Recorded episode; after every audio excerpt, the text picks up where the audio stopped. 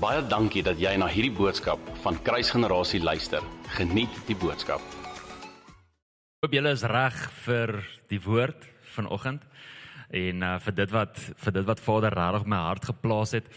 Ek gaan ongelooflik baie skrif deel vandag. Ek moet dit vir julle erken. En my uh, my hele hoop is nie dat julle verveel sal raak in die skrif nie. Ek het gister toe ek klaar voorberei het, toe sê ek vir my rask ek dink ek breek die rekord vir die meeste skrif in 'n preek. Um vandag.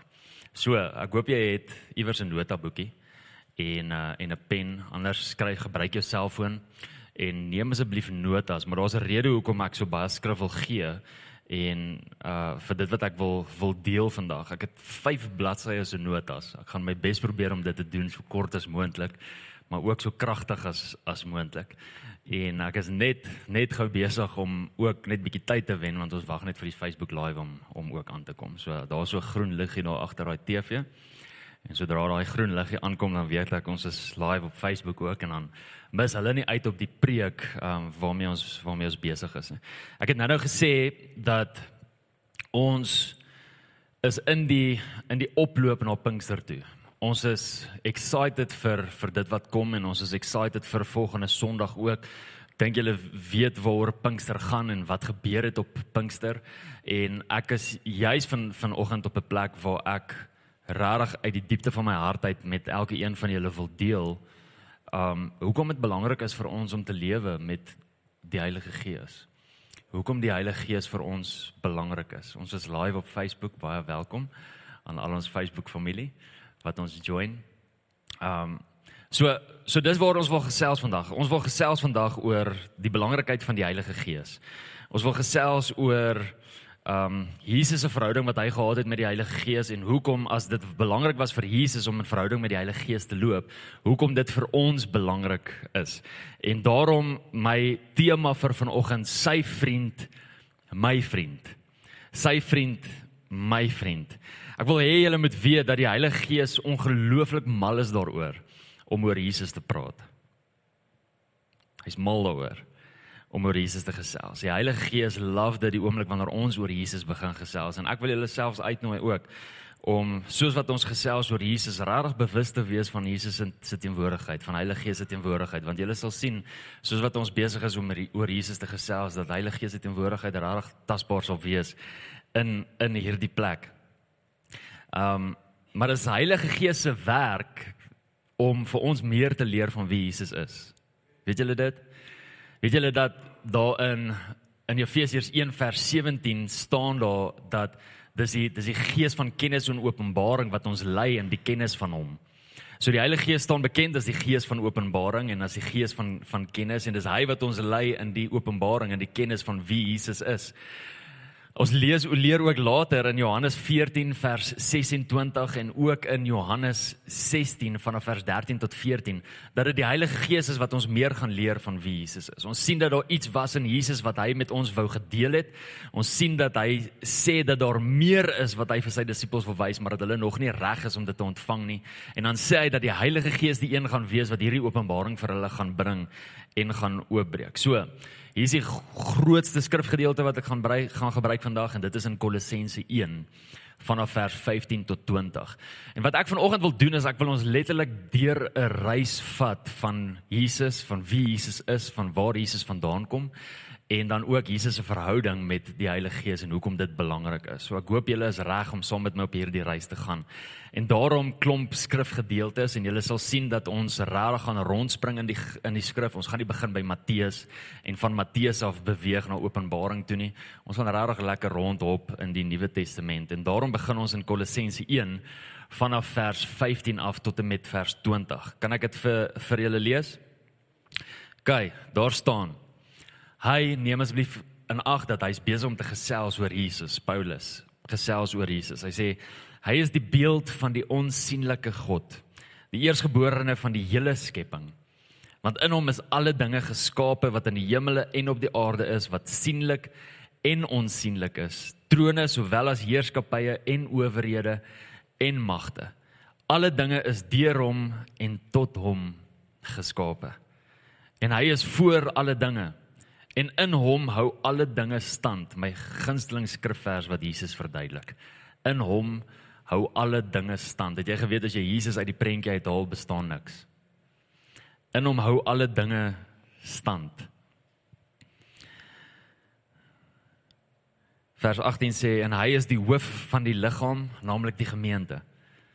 Hy wat die begin is, die eersgeborene uit die dode sodat hy in alles die eerste kan wees, want dit het die Vader behaag dat in hom die ganse volheid sou woon en dat hy deur hom alles met homself sou versoen nadat hy vrede gemaak het deur die bloed van sy kruis. Ek sê deur hom die dinge op die aarde sowel as die dinge in die hemele. Het jy geweet dat Jesus Christus se bestaans nie is van sy geboorte af nie, maar dat Jesus bestaan voor sy geboorte.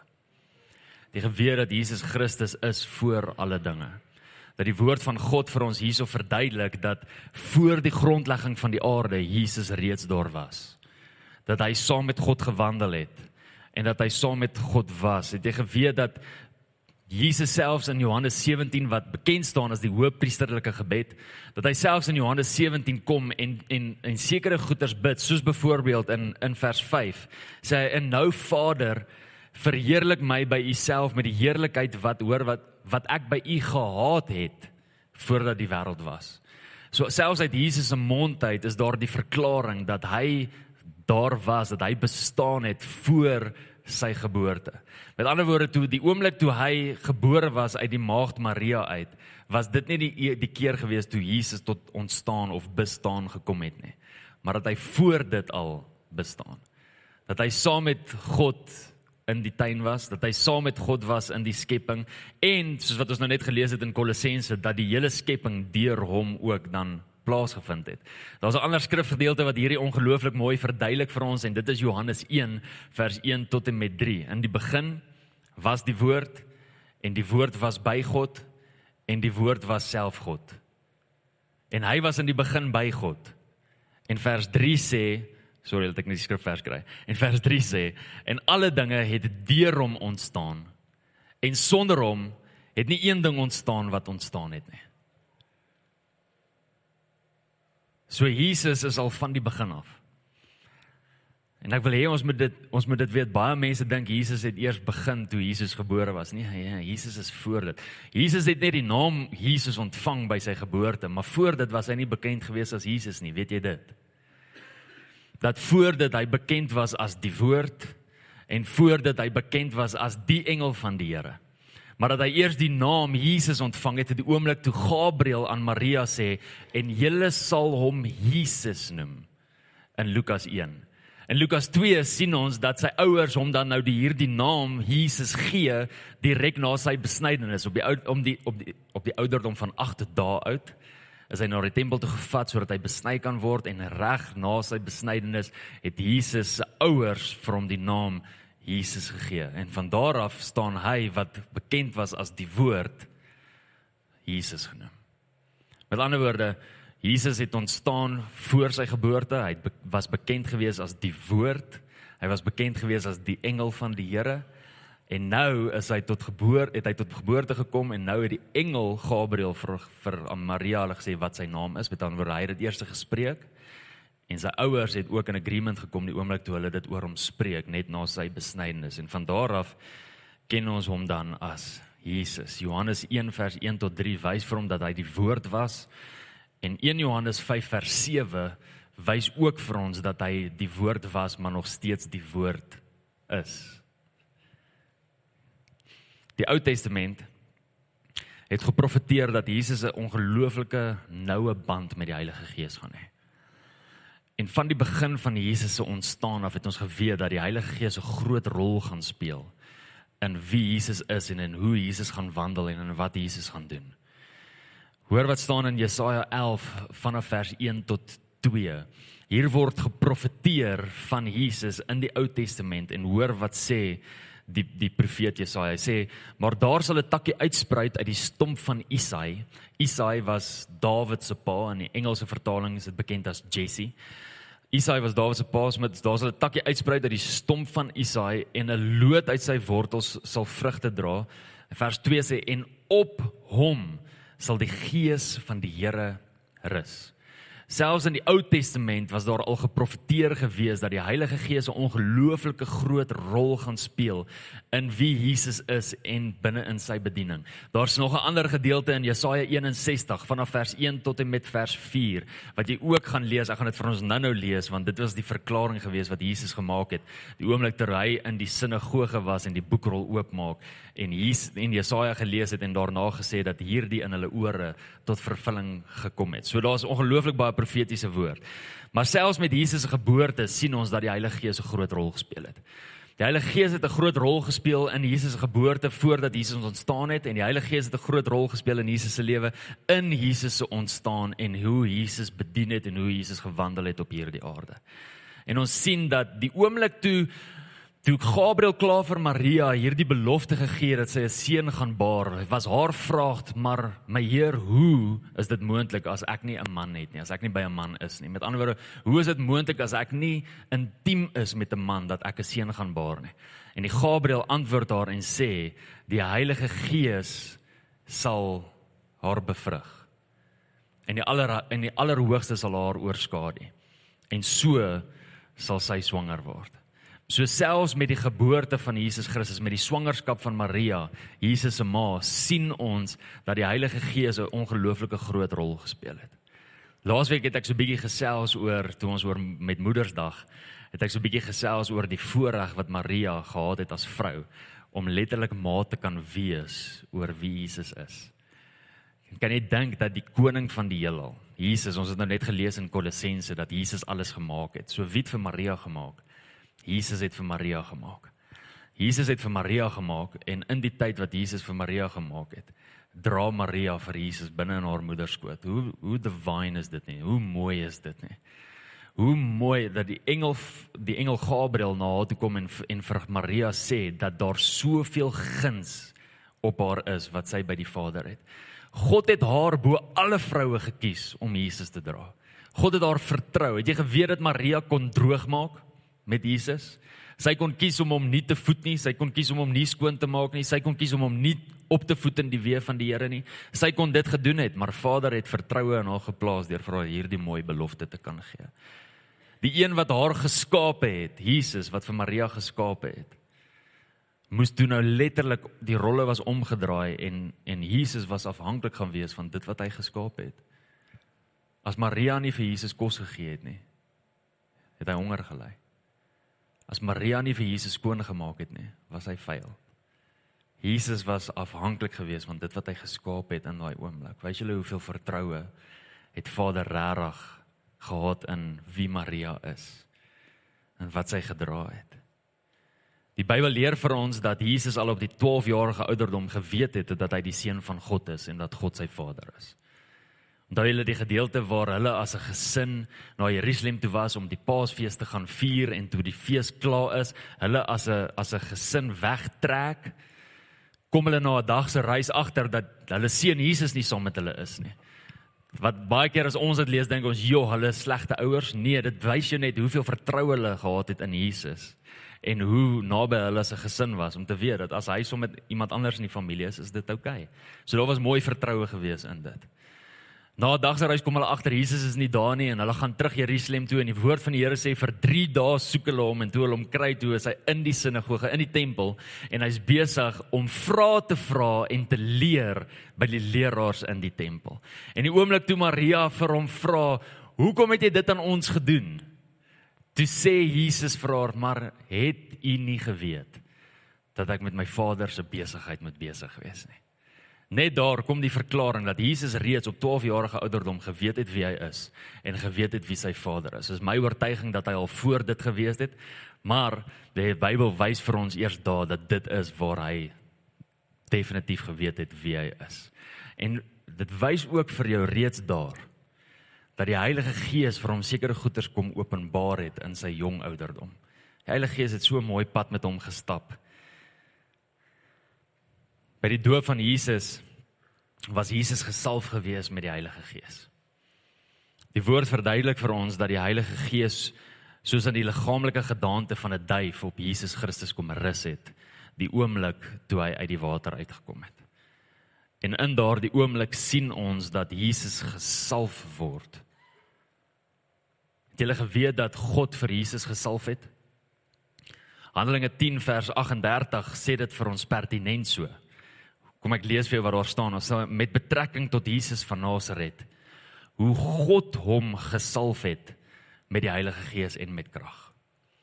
So Heilige Gees was ag ekskuus, Jesus was gesalf gewees met die Heilige Gees. In die oomblik toe hy gesalf was met die Heilige Gees, was juist daai oomblik gewees toe hy die doopwaters uitkom en die duif en en die Heilige Gees soos 'n duif op hom kom rus het. En daardie oomblik is Jesus gesalf binne 'n amp in. Jy weet dat in die Ou Testament is daar sekere simboliese kere gewees wanneer daar um salwing plaasgevind het. In die Ou Testament elke keer as daar salwing plaasgevind het, dan was dit 'n salwing tot 'n amp. Kom ek gee julle gee vir julle voorbeeld. Die oomblik toe Moses vir Aaron salf in Levitikus 8, toe word hy gesalf om die hoëpriester te wees. En daarin word Aaron ook toe nou die heel eerste hoëpriester, menslike hoëpriester. Daar was salwing gewees. Toe Samuel gekom het en vir Dawid gesalf het as koning, was die salf letterlik die simbool gewees van die feit dat hy koning geword het. So dit was letterlik die salwing het 'n amp bepaal.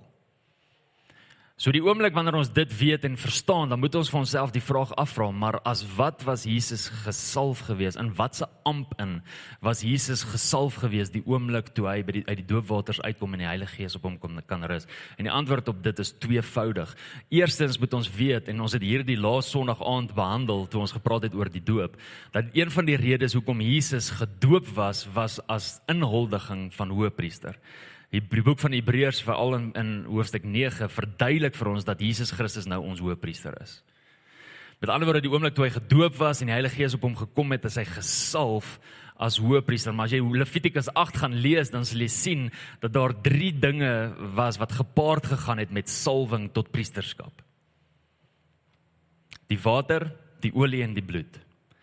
En by Jesus se doop het hy te doen gehad met water. Hy was ongeonderdompel gewees.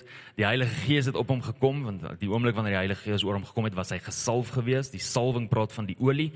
En toe Jesus Christus aan die kruis gehang het en gebloei het, was dit die bloed gewees en dit was die derde ding wat getuig het. Gaan lees 1 Johannes 5 vers 7 en 5 vers 8 wat praat van die getuienis van wie Jesus is. Dit het gespreek tot Jesus wat in die amp van hoëpriester in was. Maar hier in hierdie gedeelte weet ons dat Jesus nog nie hoëpriester was nie want hy moes eers dood gegaan het. Daar het 'n derde ding gekort en dit was bloed en dit is eers by sy kruisiging. So wat was die ander amp gewees waarin Jesus dan nou gesal was? En die antwoord is eintlik heel eenvoudig. Ons dink net nie altyd daaraan nie want ons vat dinge net as vanselfsprekend. Maar in daardie oomblik is Jesus gesalf in die amp van gesalfde. Jesus is gesalf in die amp van gesalfde, met ander woorde in die amp van Christus. Die geweet dat die woord Christus beteken gesalfde. Net soos wat die woord Messias die Hebreëse woord is wat beteken gesalfde. Jesus die Messias, Jesus die gesalfde een, Jesus Christus, Jesus die gesalfde een. Jy geweet Christus is nie sy van nie.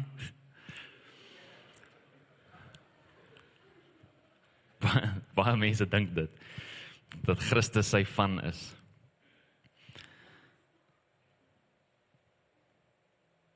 In Handelinge 2 vers 36 lees ons hierdie hierdie gedeelte waar Petrus opstaan en sy bekende preek gee en 3000 mens, mens mans tot bekering kom.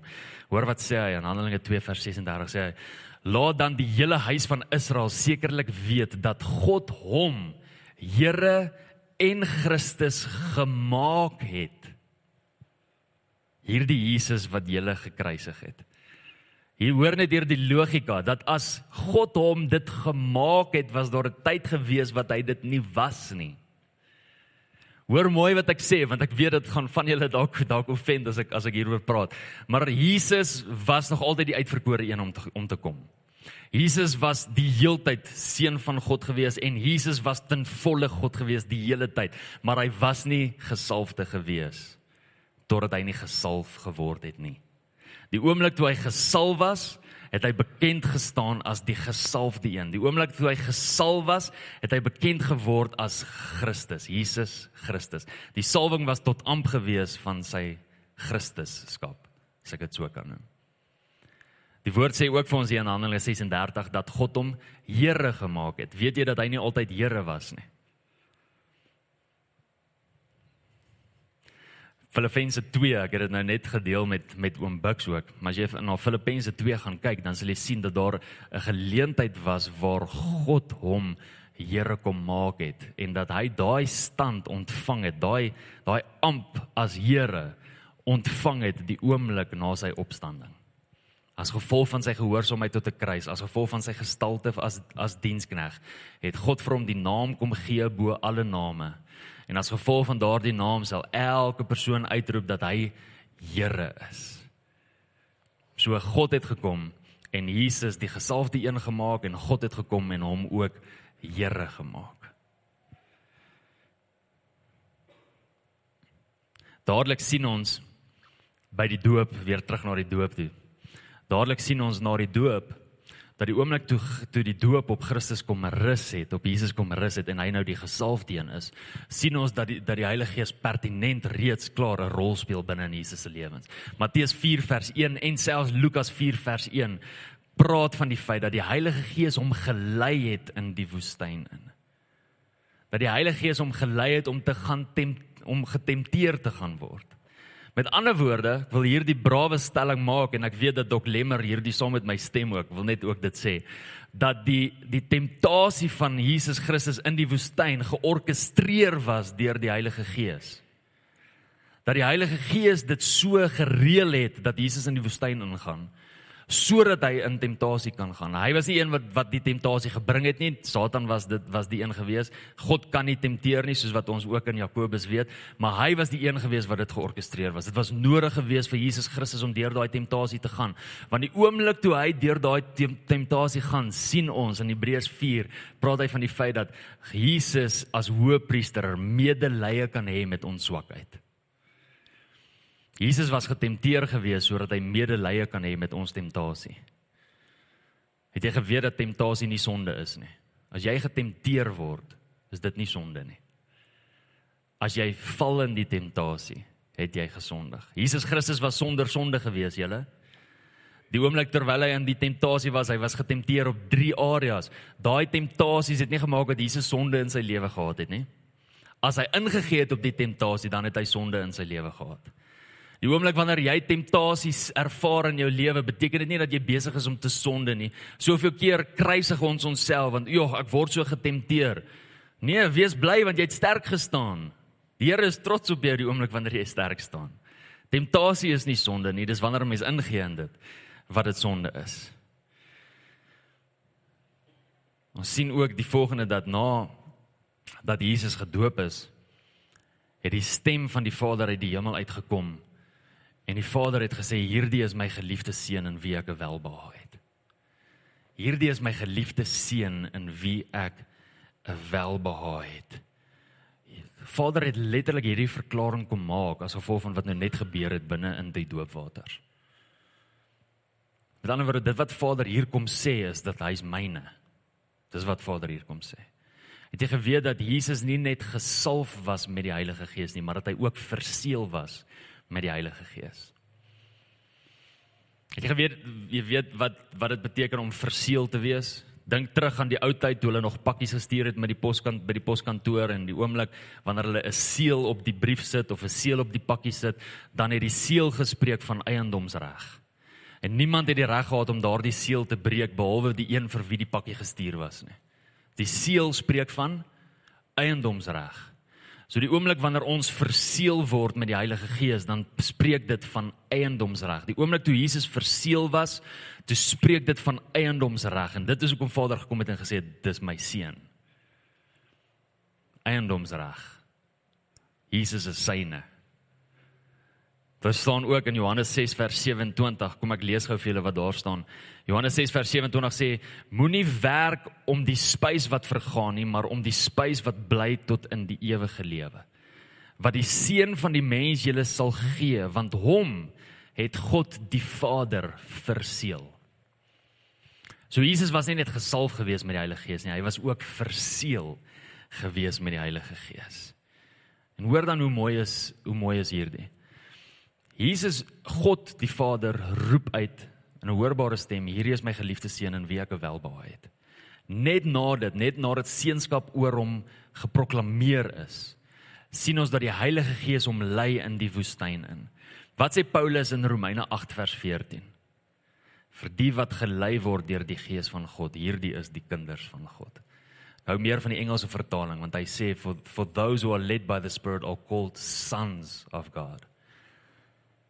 Jesus het letterlik hierso kom wys dat hy 'n seun is in die feit dat hy gehoorsaam is aan die Heilige Gees en gaan waar die Gees hom lei. So dit was nie net oor hom gespreek nie. Hy het dit kom bewys in die feit dat hy gehoorsaam is aan die Gees ook, dat hy seun van God is. Toe Jesus klaar versoek was deur die Satan in die woestyn, is hy vol van die krag van die Heilige Gees in Galilea in. En daar het hy gaan leer in die sinagoges.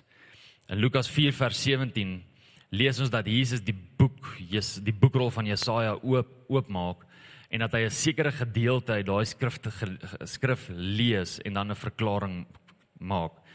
Die verklaring wat hy maak is dat hierdie skrifgedeelte daardie dag in hulle ore in vervulling gekom het. Weet jy wat wat het hy gelees? Kom ek gee vir jou hierdie hierdie skrifgedeelte Jesaja 61. Gaan net vir ons vers 1 lees. Die gees van die Here Here is op my omdat die Here my gesalf het om 'n blye boodskap te bring aan die ootmoediges. Hy het my gestuur om om te verbind die gebrokenes van hart, om vir die gevangenes 'n vrylating uit te roep en vir die geboeides opening van die gevangenes. Nadat Jesus gesalf was met die Heilige Gees, het hy sy eerste wonderwerk gedoen, nie voor dit nie. So vir 30 jaar het Jesus Christus sonder wonderwerk rondgeloop. Weet jy wat se temptasie moes hierdie vir Jesus gewees het? Daar's 'n belang daar's dis regtig 'n 'n belangrike rede hoekom Jesus eers wonderwerke gedoen het met die salwing van die Heilige Gees. Maar het jy geweet dat Jesus ten volle 100% mens was, maar hy was ter volle 100% God gewees. En uit sy hoedanigheid van God kon hy enige oomblik 'n wonderwerk uit homself uit doen. Hy kon dit doen. Maar hy het gekies om afhanklik te lewe van die Heilige Gees. En dan gaan nou nou vir julle die rede gee daarvoor. Maar vir 30 jaar het hy nie in sy hoedanigheid van wie hy is as God gekom en kom wonderwerke doen nie. Die apokriewe boeke leer vir ons verkeerdelik dat Jesus uit stof uit uit grond uit mossies gemaak het en dat hierdie mossies weggevlieg het. Dis dis teenstrydig teenoor die woord van God en dit wat God vir ons kom leer uit Jesus se afhanklikheid van die Heilige Gees. Maar dink gaan die volgende. Jesus is die opstanding en Jesus is die lewe. En hy kom en verklaar hierdie self in Johannes 11 dat wie ook al in hom sterwe nooit sal sterf nie.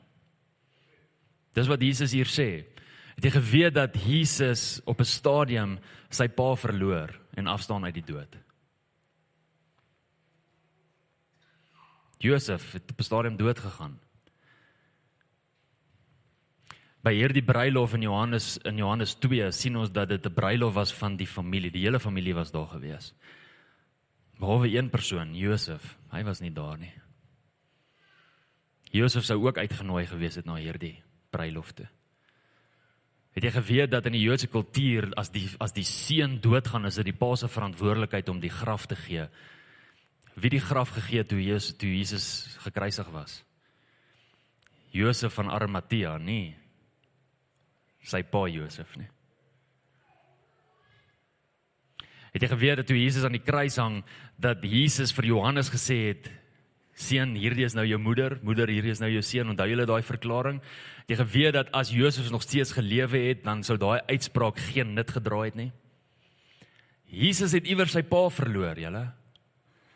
En in dit moes vir hom so groot temptasie gewees het om nie as opstanding en lewe as God net vir sy pa te sê lewe in die naam van Jesus. Maar hy was gehoorsaam gewees aan dit wat Vader wou gehad het hy moes dra. En hy was gehoorsaam gewees aan die feit dat hy slegs wonderwerke en tekens gedoen het die oomblik wanneer hy as gesalfde in die ampt van gesalfde en hy het 'n verhouding met die Heilige Gees geleef het. Van daar af het Jesus begin werk. Johannes 2 vers 11 sê dit vir ons. Net na die die wonderwerk wat gebeur het waar hy water in wyn verander het. Sê dit staan daar vir ons in Johannes 2 vers 11 dat hierdie die eerste een van sy tekens was. Die Bybel verklaar dit dat dit sy eerste wonderwerk was. En dit is belangrik vir ons om dit te glo en dit te weet. Want Jesus het deur sy hele aardse bediening vir ons kom wys hoe ons kan lewe met die Heilige Gees. Hoe 'n lewe lyk wat so afhanklik is van met 'n verhouding met die Heilige Gees. Het jy geweet dat as Jesus gekom het en in sy hoedanigheid as God opgetree het en 'n wonderwerk kom doen het as God, hy ons almal gediskwalifiseer het? Om te bid vir die siekes, om hom te vertrou vir genesing, om te opereer in die gawes van die Heilige Gees, in die woorde wat hy self gespreek het in Johannes 14 vers 12, waar hy self gesê het vir waar vir waar die wat in my glo, dieselfde werke wat ek gedoen het, sal hy ook doen en nog groter as hierdie want ek gaan na my Vader toe. Jesus het self daai woorde gesê. Het jy geweet dat as as Jesus as God opgetree het, hy ons gediskwalifiseer het en dan kon hy nie daai woorde gesê het nie, want ons is nie God nie. En as hy uit God uit opgetree het, dan kan ons nie dit doen wat hy gedoen het nie. Dan kan hy nie van ons verwag om te doen het wat hy gedoen het nie.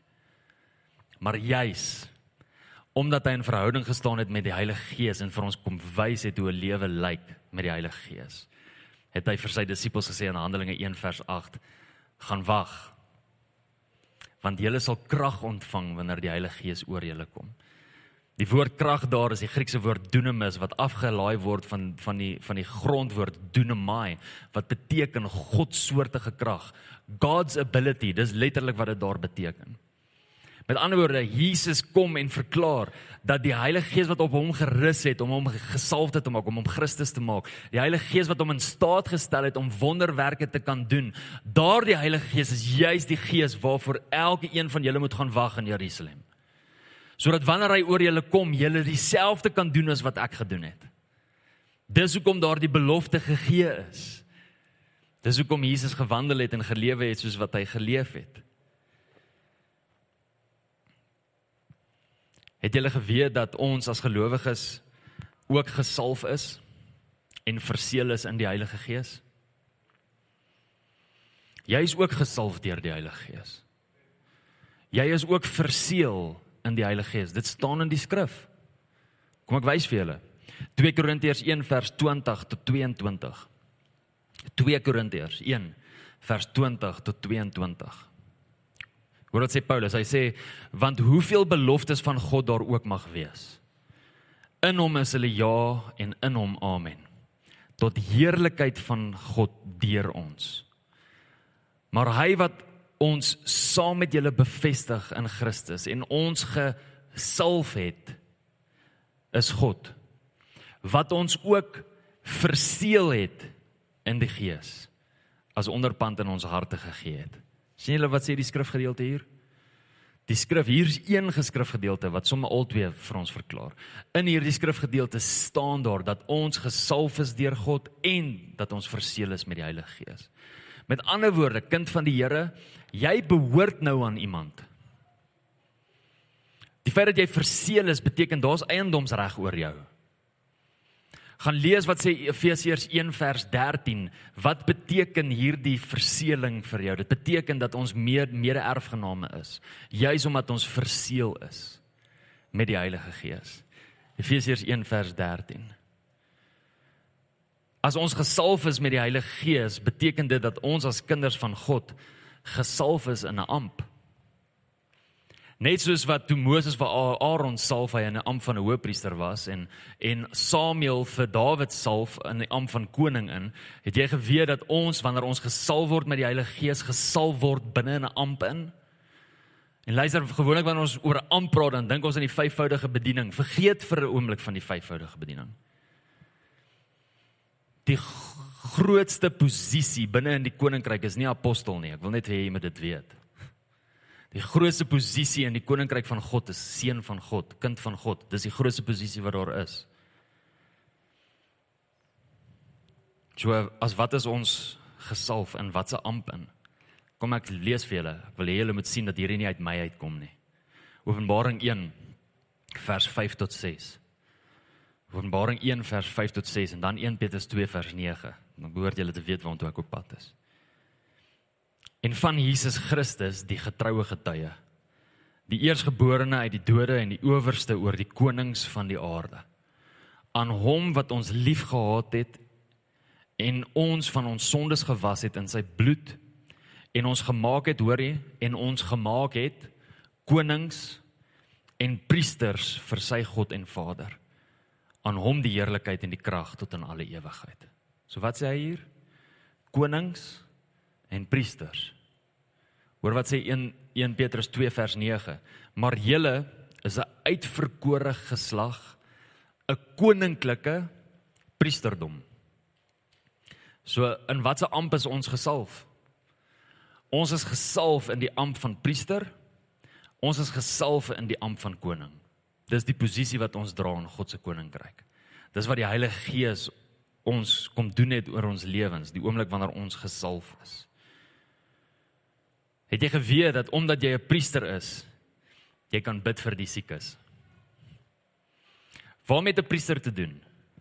Dink terug Ou Testament toe. Wat het 'n priester gedoen? Die priester het die bloed gevat en die bloed het hy gaan sprinkel vir die vergifnis, né?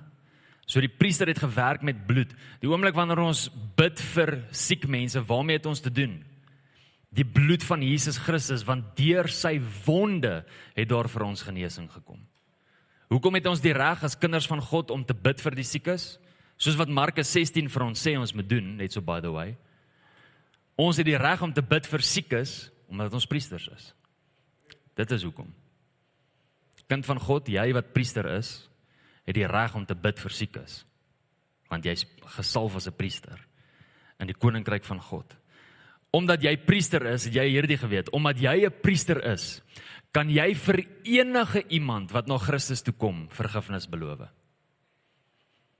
Sjoe, dit klink hard, dit klink rof. Nee, dit doen nie. Want Jesus kom en hy verklaar dit self. Die woord van God verklaar dit self dat as ons kom en ons sondes aan hom bely hy regverdig is om ons te vergewe en te reinig van al ons sondig. 1 Johannes 1 vers 9 as jy 'n priester is het jy die reg om vir enige iemand wat na Jesus toe kom wat bely hulle sondes kom bely te beloof dat hulle sondes vergewe is jy as priester het die reg jy as priester het die reg om middelaar te wees Net soos wat Jesus middelaar is vir ons. Net soos wat Aaron en al die hoëpriesters in daardie tyd middelaar was, letterlik in die middel gestaan het van God en mens. Met ander woorde intercessor, dalk verstaan jy dit beter. Ons het die reg omdat ons priesters is om intercessors te wees. Sjoe, ek dog intercessors is net vir die wat bid. Nee, intercessor is vir jou, kind van God. Jy is geroep om as intercessor te staan vir jou familie, vir die mense wat jou ken, vir jou generasie, vir die mense by jou werk, vir Middelburg, vir Suid-Afrika, vir hierdie wêreld. Jy as priester is geroep om middelaar te wees. Jy is priester. Het jy geweet jy is nie net priester nie, jy is ook koning. Romeine 5 vers 17 sê want as ten gevolge van die misdaad van die een dood geheers het deur die een. Veermeel, skus, veel meer sal hulle wat die oorvloed van die genade en van die gawe van die geregtigheid ontvang in die lewe heers deur die een Jesus Christus deur dit wat Christus gedoen het vir ons aan die kruis en die feit dat ons gesalf is deur die Heilige Gees en die amptdra van koning, het ons die reg om te heers in hierdie lewe. Wat beteken dit?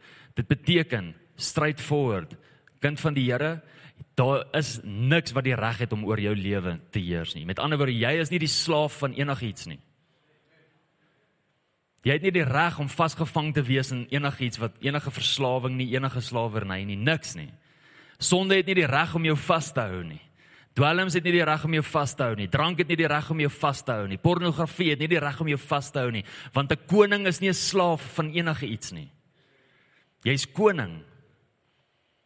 Breek met daai slawe. Breek met dit. Jy's veronderstel om te heers.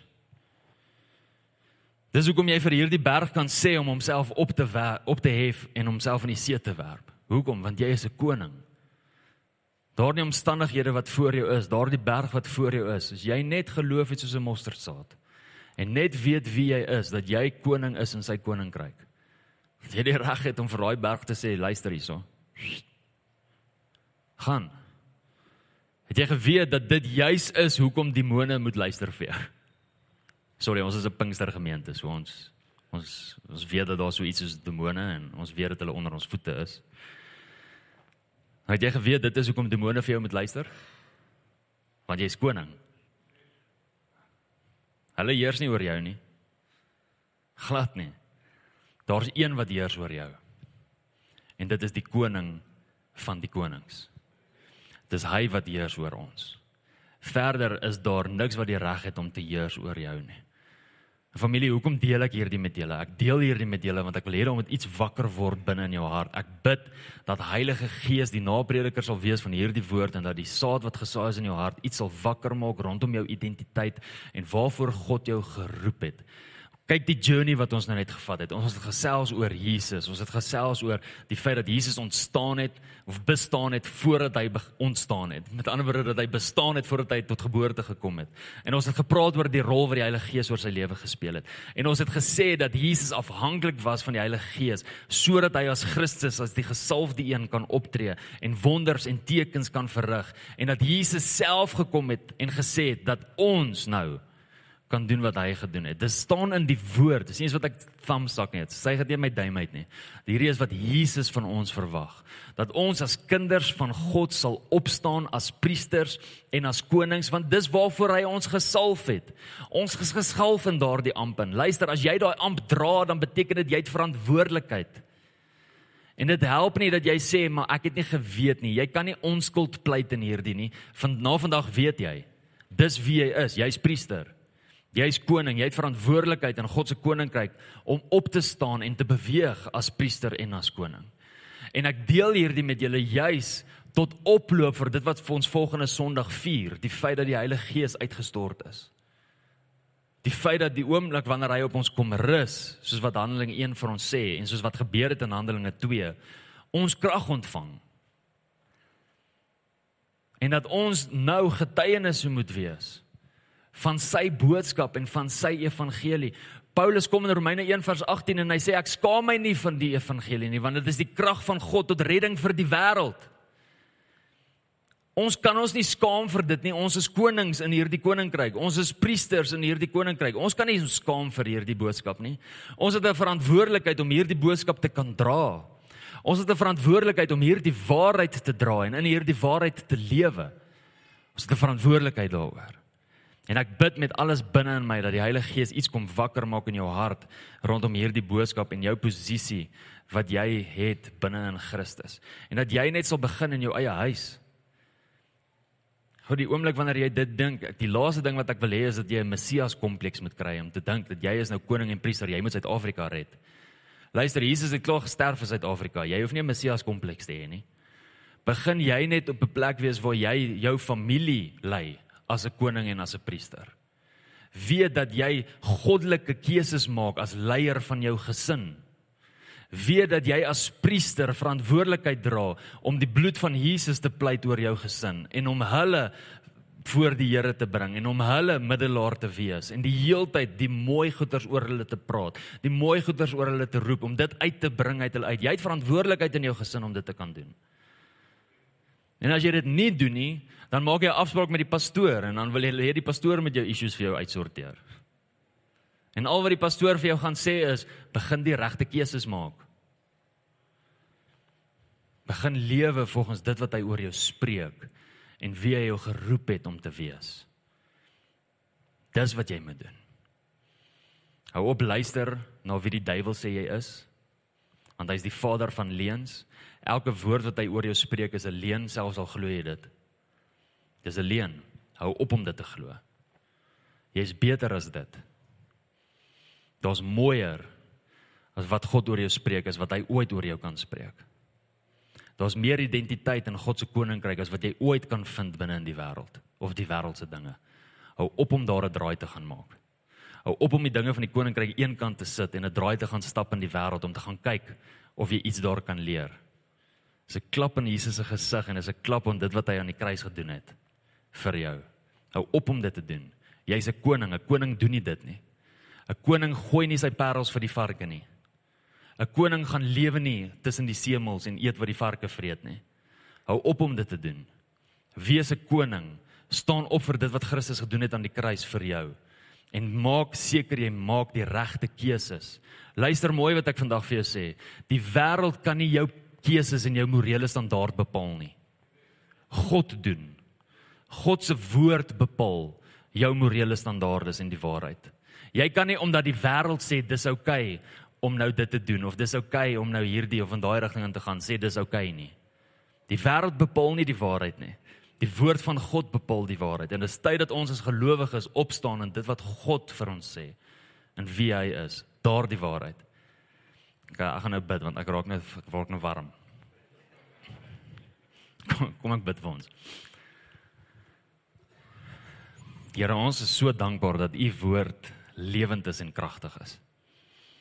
Here u woord is lewendiger en meer kragtiger as wat enige een van my woorde ooit kan wees.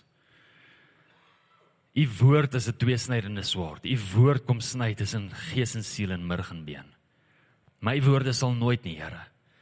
En Heilige Gees, ek bid dat hierdie woord wat ons nou net bedien het, dat dit sal kom sny tussen godsdiens, dat dit sal kom sny tussen vooropgestelde idees. Dit sal dit sal kom sny tussen uh strongholds binne in ons gedagtes. Verkeerde leringe wat daar was. En dat ons gelei sal word in die waarheid. Heilige Gees, U is die Gees van waarheid. Ons weet U is die een wat ons lei in die waarheid en ek bid dat hierdie waarheid sal wakker word binne in ons harte en dat ons sal besef maar ons is konings, ons is priesters. Nie omdat ek dit gekies het nie, nie omdat die pastoor dit so sê nie, omdat U woord dit sê. U woord sê dis die posisie wat ons dra. Dit wat die Heilige Gees kom doen het in ons lewens, hoe ons gesalf is, hoe ons verseël is, het juis gemaak dat daar 'n duur prys betaal is sodat ek kan staan in die posisie van koning en kan staan in die posisie van priester. En ek bid dat ons as gelowiges sal opstaan in hierdie posisies, Here, in die naam van Jesus. Ons is nie slawe tot enigiets nie. Here, ek bid dat enige verslawing nou gebreek sal word in die naam van Jesus oor enige persoon se lewe hier. Dat ons sal lewe volgens u woord, dat ons sal lewe volgens u beginsels, dat ons sal lewe volgens dit wat u spreek. Here, as u terwyl u op hierdie aarde gesê het dat u lewe volgens elke mond wat uit die woord van die Vader uitkom, die mond elke woord wat uit die mond van die Vader uitkom, dat dit vir ons so belangrik is om te besef dat ek nie kan lewe volgens enigiets anders as die woord van God en dit wat uit die mond uitkom nie. Ek het 'n verantwoordelikheid om te reageer teenoor dit wat U sê, om te lewe volgens dit wat U sê. Heilige Gees, maak verhouding wakker in elke hart in hierdie plek. Here, ek gee nie om wat se kerkgenootskap hier is nie. Ek gee nie om wat se vooropgestelde idees hier is nie. Ek gee nie om wat se valse leringe daar is waaraan ons waaraan ons vasgehou het nie. U roep elke een van ons tot verhouding. En ek bid dat daardie verhouding sal maak. Here dat U ons sal lei in waarheid.